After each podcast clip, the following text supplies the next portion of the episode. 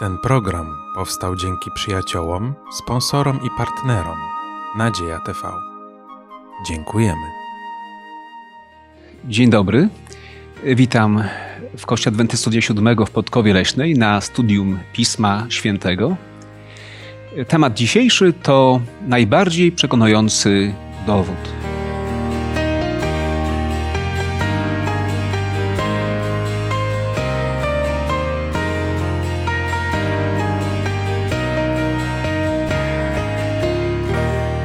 Razem ze mną są moi przyjaciele Bartek, Patrycja i Andrzej. Witam Was serdecznie. A ja mam na imię Mariusz. Zanim otworzymy Pismo Święte, chcemy prosić Boga o Jego błogosławieństwo dla naszych wspólnych rozważań. Panie Boże, chcemy Ci podziękować e, za ten dzień, który nam dałeś, Panie, za to, że mogliśmy tu wspólnie zgromadzić i Panie, rozważać Twoje słowo. Prosimy Cię teraz, abyś przez Ducha Swojego Świętego prowadził nas w tym rozważaniu. Oddajemy to w Twoje ręce w imieniu Jezusa. Amen. Amen. W tym sezonie mówimy tak dużo o jedności. Odmieniamy to słowo jedność na różny sposób. W każdym praktycznie temacie mm, było słowo jedność. Jedno, jedność, obraz jedności. Dzisiaj jest nieco odmienny temat. Najbardziej przekonujący dowód. Zapytalibyśmy, czego? A tak przy okazji, jak to jest z tą jednością? Słyszałem takie powiedzenie, że jedność w kościele to jest tak jak też świętość w kościele. Ponoć jest, ale już dawno nikt jej y, nie widział. Y, należymy do dużej społeczności religijnej, dlatego że Kościół Adwentystów Dnia Siódmego to ponad 20 milionów wyznawców rozproszonych we wszystkich krajach świata. Ludzie o różnych kolorach skór, wodzący się z różnych y, kultur, co faktycznie sprawia, że jesteśmy, no mimo wszystko, takim jednolitym kościołem. Jakie czynniki według Was sprawiają, że jesteśmy kościołem przynajmniej jednolitym? No na pewno doktryny, zasady wiary, jakie wyznajemy, to jest coś, co niezależnie czy jest, czy y, pojawimy się w zborze w Polsce, czy, czy pojedziemy za granicę, to w zasadzie wszyscy wierzymy tak samo i to na pewno jest coś, co nas w jakiś sposób jednoczy. Jest bardzo ważne. Gdziekolwiek jesteśmy, adwentyści wszędzie wierzą tak samo. A na przykład organizacja Kościoła, czy też y, jest taką organizacją jednolitą? Właśnie tą jedność organizacji możemy zauważyć e, w momencie, kiedy na przykład są zbierane dary na jakieś szczególne e, potrzeby i jest to ogłaszane, że zbieramy dary dla diecezji w jakimś innym kraju, w jakimś innym wydziale, ale nadal jest to nazywane diecezją. Więc e, ta organizacja nie jest tak, że u nas w Polsce inaczej się to nazywa, a na świecie, w innych regionach inaczej, mm, ale jest to to nazewnictwo, te zasady, y, to, to w jaki sposób to wszystko działa. Y, no, pokazuje, że to jest jedna organizacja i taka jedność y, w działaniu tej organizacji się objawia. Mm, tak, czyli tak, doktryna, organizacja Kościoła, to też prawo kościelne. Mamy jednolite prawo kościelne na całym świecie. Czy coś jeszcze? Na pewno też y, misja, ponieważ jeżeli na przykład spojrzymy na lata, na XIX wiek, kiedy organizacja Kościoła zaczęła się formować, y, widzimy, że pewne jakby, pewien rodzaj misji, który w tamtych czasach jakby został zapoczątkowany, przetrwał i do dzisiaj. I jakby podobne rodzaje, że tak powiem, mm, głoszenia tej Ewangelii widzimy w różnych rejonach świata, mimo że tak bardzo różnimy się często kulturowo od siebie, jednak pewne rzeczy gdzieś tam są zachowane wspólne. Mhm. Czyli sposoby misji, a treść, treść poselstwa jest też y, wspólna, jednolita? Oczywiście. Również. No i to jest, gdybyśmy tak zastanowili się bardzo głęboko y, y, w kontekście właśnie jedności, co tak naprawdę jest taką fundamentalną zasadą, gdybyśmy mieli tylko jedną rzecz, która sprawia, że jesteśmy jedno właśnie w misji, w wierze, na co moglibyśmy wskazać? Ja myślę, że ta powszechna wiara w Jezusa Mhm. Że to będzie, to jest takie spoiwo, że jednak wszyscy wierzymy w to, że umarł za nas i, i chce nas zbawić. Że to będzie taka y, jedność i dla wszystkich i u wszystkich. Mhm. Czyli ta jedność powstaje gdzieś tam pod krzyżem Jezusa. Świadomość tego, kim On jest, On dla nas uczynił, sprawia, że e, wszyscy, niezależnie od tego, kim jesteśmy, jaki mamy kolor skóry, mamy świadomość, że jesteśmy grzesznikami, potrzebujemy e, tej zbawiennej łaski Bożej. Wszyscy potrzebujemy właśnie krzyża e, Chrystusa. A czy na przykład, a może wróćmy do tekstu Pisma Świętego, ponieważ mamy wyjątkowy tekst w tym naszym studium. Jest to tekst wypowiedziany przez Kajfasza.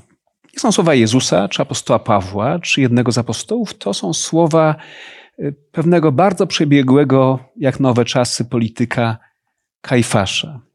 Ale jest to pewne proroctwo Kajfasza.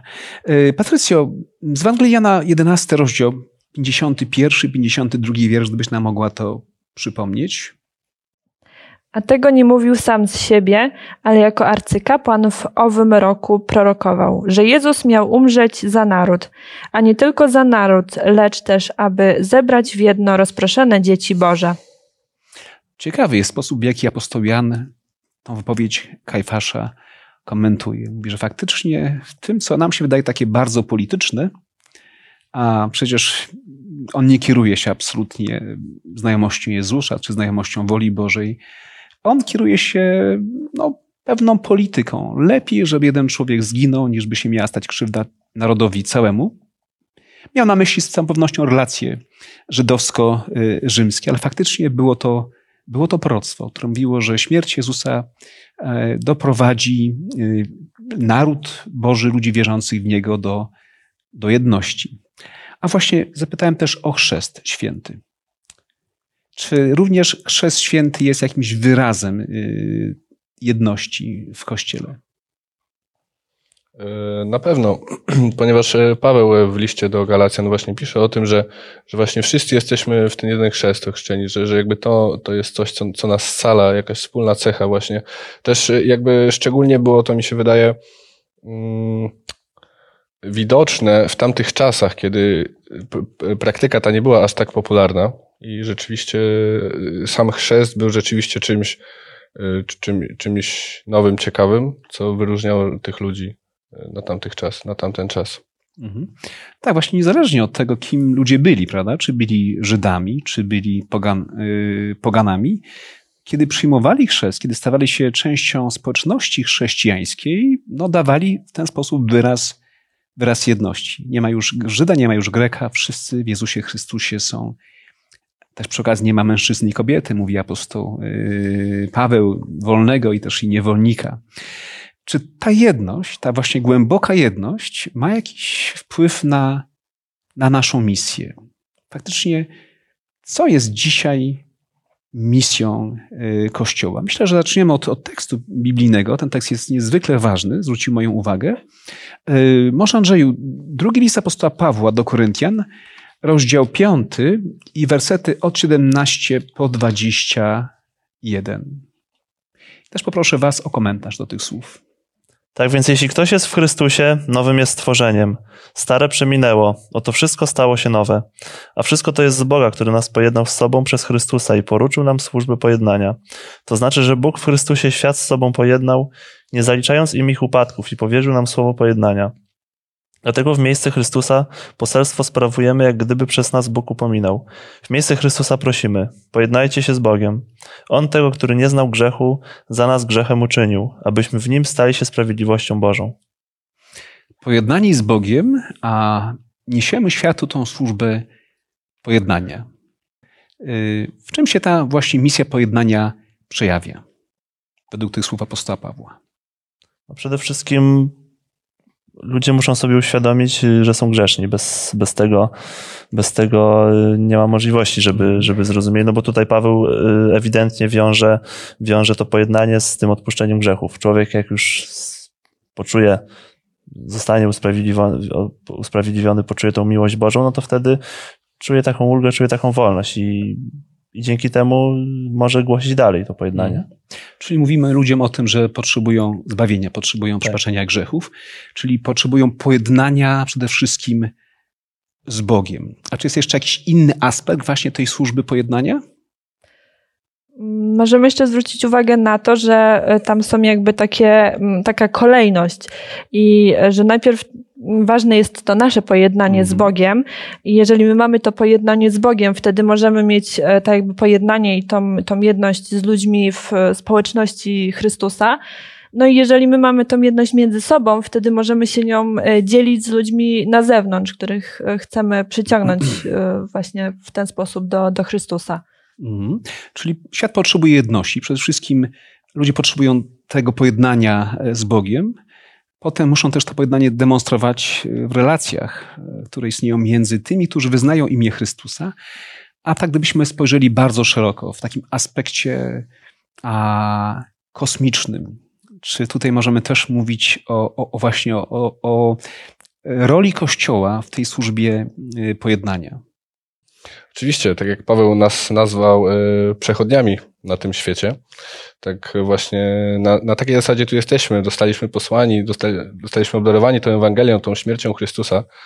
Mm, właśnie to, żeby o, o, opowiedzieć to światu i pojednać ten jedyny świat, który po prostu zbłądził, grzesząc, z resztą tego bezgrzesznego świata, który, który Bóg stworzył.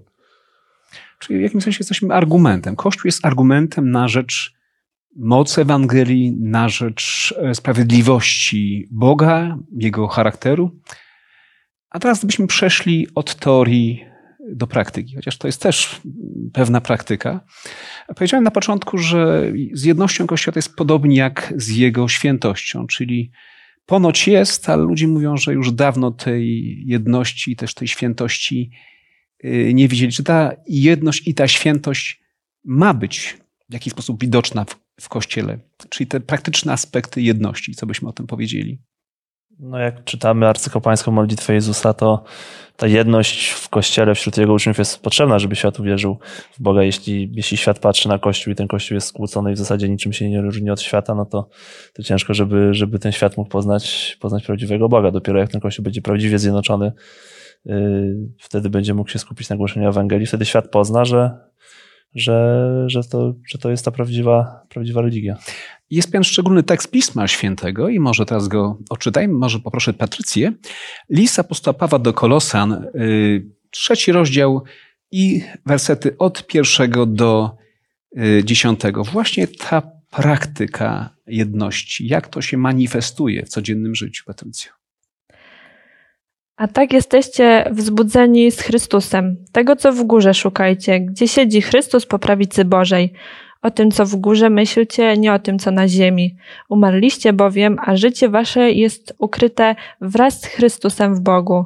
Gdy się Chrystus, który jest życiem naszym, okaże, wtedy się i wy okażecie razem z Nim w chwale. Umartwiajcie tedy to, co w waszych członkach jest ziemskiego. Przeteczeństwo, nieczystość, namiętność, złą porządliwość i chciwość, która jest bałwochwalstwem, z powodu których przychodzi gniew Boży. Niegdyś i wy postępowaliście podobnie, kiedy im się oddawaliście, ale teraz odrzućcie i wy to wszystko. Gniew, zapalczywość, złość, bluźnierstwo i nieprzyzwoite słowa z ust waszych. Nie okołamujcie się nawzajem, skoro zewlekliście z siebie starego człowieka wraz z uczynkami jego, a przeoblekli nowego, który się odnawia ustawicznie ku poznaniu na obraz tego, który go stworzył. Czyli o czym apostoł Paweł w tym fragmencie i wielu innych tak naprawdę y, mówi?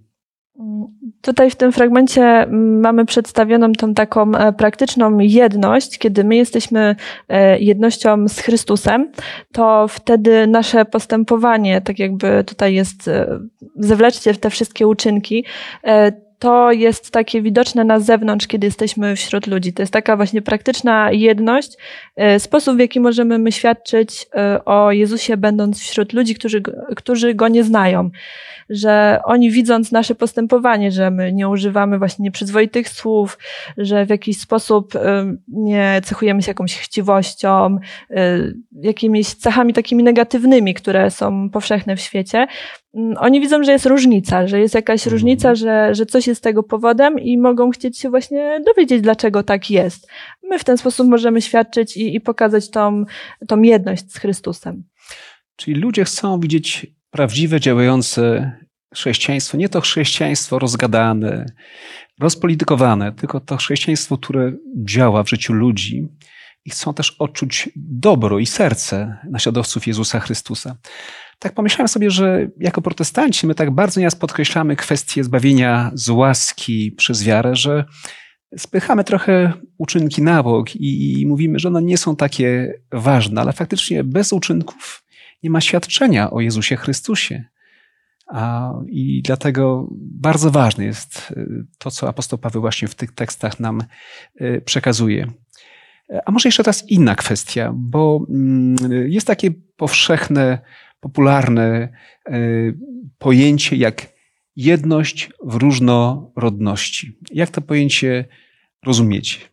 Jedność w różnorodności. Przecież jeśli mówimy o różnorodności, to już gdzieś ta jedność nam w tym wszystkim y, gubi się, zanika.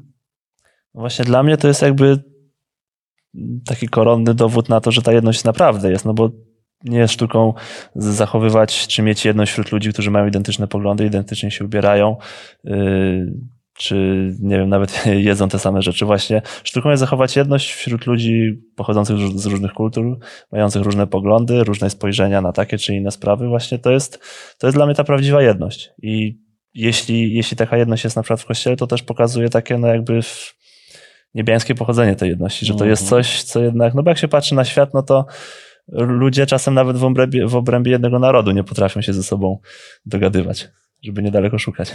Mhm. No właśnie, ja mówiłem na początku o jednolitości. To jest chyba złe słowo, jednolitość. Jednolitość wskazuje na swego rodzaju uniformizm, a nie na prawdziwą jedność e, w Kościele. Czyli ktoś tak kiedyś powiedział, że możemy się jako wierzący ludzie pięknie różnić. I chyba o czymś takim też pisał apostoł Paweł w liście do e, Rzymian, 14 rozdziale. Bartku, jeśli możesz, 14 e, rozdział od pierwszego po szósty werset. A słabego w wierze przyjmujcie, nie wdając się w ocenę jego poglądów. Jeden wierzy, że może jeść wszystko, słaby zaś jarzynę jada. Niechże ten, kto je, nie pogardza tym, który nie je, a kto nie je, niech nie osądza tego, który je, albowiem Bóg go przyjął. Kimże ty jesteś, że osądzasz cudzego sługę? Czy stoi, czy pada, do Pana swego należy. Ostoi się jednak, bo Pan ma moc podtrzymać go. Jeden robi różnicę między dniem a dniem, drugi zaś każdy dzień ocenia jednakowo. Niechaj każdy pozostanie przy swoim zdaniu. Kto przestrzega dnia, dla Pana przestrzega, kto je, dla Pana je. Dziękuję bowiem Bogu, a kto nie je, dla Pana nie je i dziękuję Bogu. Mhm. No to jest ciekawy tekst, bardzo różnie rozumiany. Ja słyszałem komentarz, że jeśli ktoś na przykład święci niedzielę, a ktoś inny sobotę, wszystko ok. Jeden święci dla Pana sobotę, drugi niedzielę. E, ktoś spożywa na przykład wieprzowinę zabronioną przez Pismo Święte, ktoś inny nie spożywa. Nie osądzaj tego, który spożywa. Czy właśnie tak ten tekst należy rozumieć, gdy tak naprawdę wniko, głęboko wnikamy w jego treść w kontekście całego tego rozdziału 14 i 15. Jeśli się zagłębimy y, w tematykę y, tych fragmentów y, listu do Rzymian, no to ewidentnie widzimy, że tu wcale nie chodzi o, o przestrzeganie dnia sobotniego, nie o to się toczyły spory w, w ówczesnym kościele chrześcijańskim, tylko zachowywanie pewnych naleciałości z judaizmu, kwestie postów, jakie dni pościć, jak ten post ma wyglądać, jakie rzeczy jeść, jakich nie można jeść, które są skalane y, w myśl prawa żydowskiego, czy może bardziej już późniejszych y, pomysłów frakcji faryzeuszy. I to, to nam pokazuje, że właśnie takie spory nie prowadzą do jedności. To są kwestie drugo, trzeciorzędne, na które nie powinniśmy y, zwracać szczególnej uwagi, bo one później się przyczyniają do sporów, które te kwestie trzeciorzędne stają się pierwszorzędnymi i, i wtedy tracimy z obrazu, z oczu Jezusa Chrystusa. Czyli właśnie nieraz kwestie drugorzędne stają się pierwszorzędnymi nawet stają się pewnym testem prawowierności y, chrześcijan. To jest taka odległa historia. Mówimy o, o zborze rzymskim, pierwszy wiek naszej ery. A gdybyśmy to przenieśli, no tak bardzo blisko, na nasz Kościół. Czy są pewne kwestie dotyczące naszych wierzeń, czy pewnej praktyki religijnej, w których y, mogą być między nami różnice, a wciąż będziemy, wciąż będziemy jedno? Jak wam się wydaje? E, oczywiście, na co dzień e, dzisiaj również spotykamy się z takimi rzeczami właśnie jak, e, jak pokarm. Mm -hmm. Często szczególnie na przykład u nas podkreślamy wagę nie, wegetarianizmu. I oczywiście jest to w 100% dobre, ale prawda jest również i wiele osób, które to mięso je po prostu. I mimo wszystko jest ta jedność również, jeżeli patrzymy na kwestię przestrzegania sabatu Wszyscy ten sabat przestrzegamy, ale gdzieś tam pewne, pewne różnice w wychowaniu y, od młodości gdzieś z własnego domu się wyciągnęło y, i każdy odrobinę ten sabat w, w pewnych szczegółach przy, przestrzega trochę inaczej, co nie jest zupełnie żaden, y, w żaden sposób, prawda, tutaj jakby kością niezgody w kwestii, w kwestii po prostu właśnie mhm. przestrzegania tego dnia. Czyli są pewne różnice. Ja myślę o takiej teologicznej różnicy. Na pewno o tym słyszeliście. Kwestia natury Chrystusa. Czy Jezus miał naturę Adama przed upadkiem, czy po upadku? Nie chcemy tego dzisiaj rozważać, ale tutaj jest pewna, pewna wolność. Kościół tej, tej kwestii nie rozstrzyga w sposób jednoznaczny, więc są pewne rzeczy, a drugorzędne, gdzie powinniśmy tolerować się, kierować się czym? Taką wyrozumiałością. Jeśli widzimy, że ktoś jest słaby, wie, że ktoś na przykład niedawno poznał adwentyzm i jeszcze jakby no nie przyjął tych wszystkich naszych jak my to mówimy, zachowań, no to nie możemy go w żaden sposób zrażać do tego adwentyzmu, bo jeśli zaczniemy mu narzucać, zaczniemy go krytykować za to, że nie tak się ubiera, że, że y, je, je, je to, czego nie powinien, Pismo Święte tego nie zabrania, y, no to możemy go zrazić i, i w zasadzie zatrzymać ten jego duchowy rozwój. Mhm. Czyli w sprawach ważnych jedność, w sprawach drugorzędnych tolerancja i wyrozumiałość, a we wszystkim, jak powiedział chyba święty Augustyn, we wszystkim miłość. I to jest, myślę, bardzo ważne. Kochani, i w końcu jedność misji. To jest niezwykle ważne, o tym mówiliśmy na początku. Y, mamy obraz kościoła, tego wczesno, kościoła wczesnochrześcijańskiego, który jest dla nas takim kościołem wzorowym, ponieważ był to kościół, który stanowił jedność może nie jednolity, ale Kościół zjednoczony. Y, Andrzeju, jeśli możesz, Dzieje Apostolskie, drugi rozdział i tam mamy pewną charakterystykę właśnie tego wczesnego Kościoła. Y, może werset pierwszy, a potem 42 po 46. A gdy nadszedł Dzień Zielonych Świąt, byli wszyscy razem na jednym miejscu. I trwali w nauce apostolskiej i we wspólnocie, w łamaniu chleba i w modlitwach. A dusze wszystkich ogarnięte były bojaźnią, albowiem za sprawą apostołów działo się wiele cudów i znaków.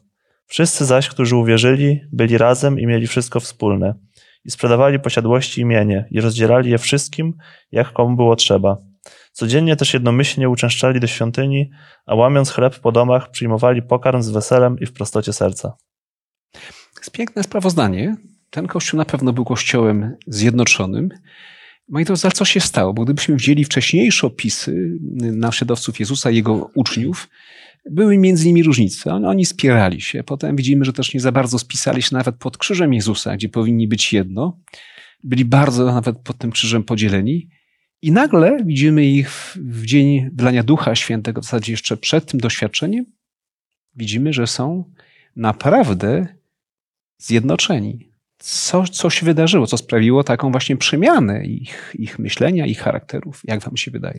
Właśnie wydaje mi się, że to, co sam poruszyłeś, właśnie kwestia Ducha Świętego, w momencie, mm, kiedy Jezus już odchodził do nieba y, po swoim zmartwychwstaniu, aniołowie, którzy rozmawiali z apostołami, y, zapowiedzieli im, że wezmą moc Ducha Świętego i w Jego mocy będą głosić, będą głosić tę Ewangelię. I właśnie tego przykładem jest y, pierwszy Kościół, ponieważ bardzo szybki przyrost ludzi, członków tego, tego Kościoła, sugeruje nam to, że tam było, byli bardzo różni ludzie, o bardzo róż, odmiennych poglądach, kulturach i przybywali, poznawali się bardzo szybko.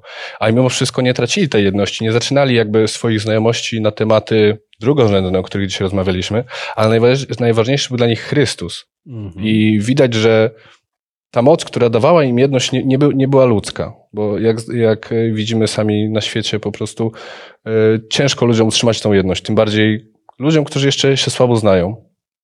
A tutaj widzimy, że mimo właśnie tego przyrostu szybkiego członków Kościoła, błyskawicznie zaczęli głosić tę Ewangelię w mocy Ducha Świętego. Czyli ta świadomość misji. Oni się poczuli odpowiedzialni za zbawienie y, świata, ponieważ Jezus powiedział im, e, idźcie, głoście Ewangelię y, wszelkiemu stworzeniu. To była potężna misja, która przekraczała ich ludzkie możliwości, ich intelekt, ich wyobrażenia. Ale Właśnie gdy tak patrzymy na ten wczesnochrześcijański kościół, przecież tam były pewne problemy. Była kwestia chociażby obrzeski. To nieraz dzieliło chrześcijan. Kwestia, no, chociażby yy, obsługiwania wdów przy stołach, prawda? Tam ten problem został yy, zażegnany. ale chyba najważniejsza była ta świadomość yy, misji. Czy możemy się dzisiaj nauczyć właśnie czegoś z tego przykładu, gdy chodzi o Kościół Adwentystów Dnia Siódmego w Polsce w XXI wieku? Musimy sobie przypomnieć, y, jaki jest cel tego naszego pobytu na ziemi, bo nie tylko Kościół Adwentystów Dnia Siódmego, ale właśnie pierwszy Kościół y, miał za zadanie głosić tę Ewangelię i mówić o tym niesamowitym wydarzeniu, jakie miało miejsce na Golgocie, czyli śmierć Chrystusa. I od, przez te już dwa tysiące lat cały czas to jedno wydarzenie wszystkich nas łączy w tym. Właśnie Chrystus nas łączy przez swoją śmierć i, i dalej ta nasza naszą misją jest po prostu głosić to i ogłaszać całemu światu. Mhm. I ja to zauważam w takiej praktyce życia zborowego, że te kościoły, te zbory, które mają świadomość misji, angażują się po to, by zmieniać y, ludzi y, y, wokół siebie, by nieść pomoc, to są najczęściej zbory, kościoły zjednoczone. Świadomość misji przemienia w ogóle sposób myślenia, przemienia także relacje pomiędzy wierzącymi.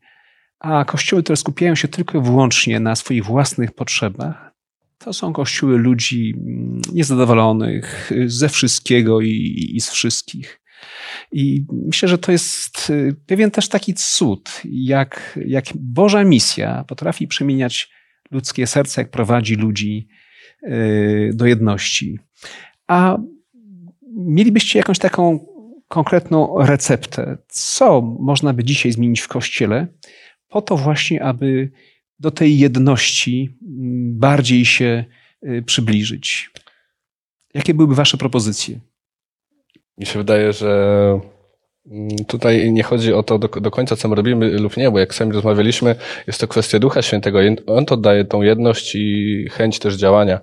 Ale przede wszystkim mi się wydaje skupić się na tym, co ewentualnie nas od, oddziela od tego Ducha Świętego. Ponieważ yy, mamy, mamy świadomość tego, że po prostu Pan Bóg, e, kiedy człowiek jest zwyczajnie czasem e, nieposłuszny Bogu, może tak strasznie zabrzmi, ale kiedy szczerze i, z premedytacją jakby to prawo przestępuje, Pan Bóg też nie jest w stanie działać często w jego życiu w takim, jakim on by chciał.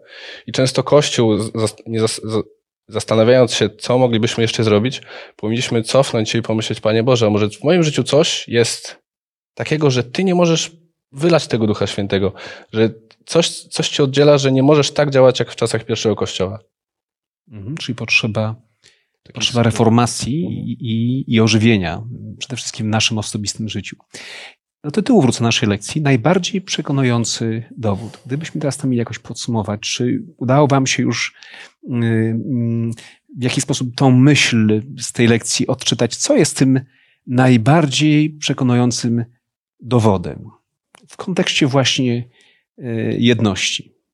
Tutaj najbardziej tym e, przekonującym dowodem będzie ta e, jedność Kościoła, która, e, tak jak no, przerabialiśmy po kolei każdy temat i tam w jednym z tematów było właśnie ta łączność z Chrystusem, jedność z Chrystusem, następnie jedność z współwierzącymi, działanie na zewnątrz.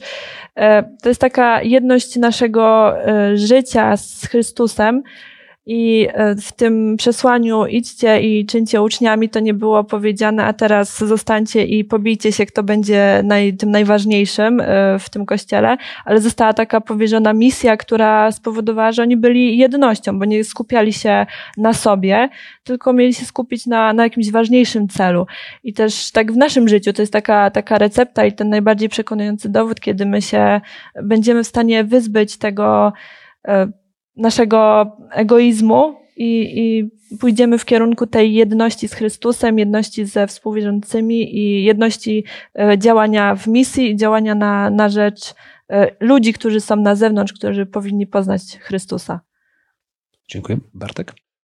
E, wydaje mi się, że naj, najbardziej przekonującym dowodem jest właśnie nasze osobiste doświadczenie i nasza osobista postawa, to co mówiła przed chwilą Patrycja, e, ponieważ często z naszymi osobistymi do, e, doświadczeniami jesteśmy w stanie dotrzeć do ludzi, którzy gdzieś zmagają się z pewnymi rzeczami, z którymi zmagaliśmy się i my kiedyś, ale właśnie dzięki tej mocy Chrystusowej możemy wskazać na tą niesamowitą ofiarę, że dzięki tej ofierze Bóg jest w stanie wyciągnąć mnie z rzeczy, z, który, z którymi kiedyś sobie, w których kiedyś tkwiłem, z którymi nie potrafiłem sobie poradzić. I dla tych ludzi właśnie moje jakby, moje to doświadczenie, ta autentyczność jest jakby tym najlepszym, najlepszym dowodem. Tak, dziękuję bardzo. Ja bym jeszcze tutaj zwrócił uwagę na, na to, jak wygląda jedność Kościoła jedność świata, bo świat też się próbuje zjednoczyć. Jak ktoś, no nie trzeba nawet specjalnie interesować się historią, prób było wiele. Do tej pory ani razu się nie udało tak prawdziwie zjednoczyć świata. I kiedy spojrzymy na jedność Kościoła, który będzie tak naprawdę zjednoczony, to wtedy, wtedy właśnie ujrzymy obraz prawdziwego Boga, bo Kościół buduje swoją jedność na Bogu, na Jezusie Chrystusie, a świat pomija swoimi własnymi wysiłkami na, na ludzkiej mądrości oparte i, no i się nie udaje. A, a jedność Kościoła jest właśnie takim najbardziej przekonującym dowodem, że, że Bóg istnieje przede wszystkim i że, i że działa. Tak, dziękuję bardzo. Co jest tym najbardziej przekonującym dowodem? Myślę, że ciepły Kościół, Kościół ludzi dobrych, życzliwych, Kościół zaangażowany w życie społeczne, niosący pomoc potrzebującym. W końcu też Kościół tolerancyjny, który nie osądza ludzi, których po prostu bardzo mocno przytula do serca i wskazuje na tą Bożą miłość. Właśnie możemy się tak naprawdę pięknie różnić w tym, co jest istotne, w teologii, w zrozumieniu Pana Boga, w tym musimy być jedno. Tutaj konieczna jest ta jedność. W pewnych kwestiach możemy się różnić, ale wszystko powinniśmy się tak bardzo kochać, jak Chrystus nas umiłował, a to tylko Duch Święty może w naszych sercach y, osiągnąć. Dziękuję Wam za uwagę. Dziękuję także wszystkim tych, którzy nas dzisiaj słuchali. Chcemy również zakończyć nasze studium wspólną y, modlitwą. Panie Boże, dziękujemy Ci za to, że Ty dałeś nam to studium, za to, że Ty chcesz, żebyśmy byli tą jednością z Tobą, ale przez to, że jesteśmy jednością z Tobą, żebyśmy mogli być jednością ze współwierzącymi i żebyśmy mogli nieść tą Twoją jedność i Twój pokój do ludzi, którzy znajdują się wokół nas, którzy Ciebie, Panie Boże, nie znają. Dlatego chcemy Cię prosić, żebyś Ty dawał nam tą swoją mądrość i, i, obecność Twojego Ducha Świętego, który będzie powodował tą jedność, która powinna być wśród wszystkich nas, żebyśmy mogli być tym Twoim przykładem i, i prowadzić ludzi jak ta latarnia statki do, do brzegu. Dlatego proszę Cię o to, żebyś Ty prowadził cały Twój Kościół w kierunku tej jedności, przede wszystkim Panie Boże z Tobą.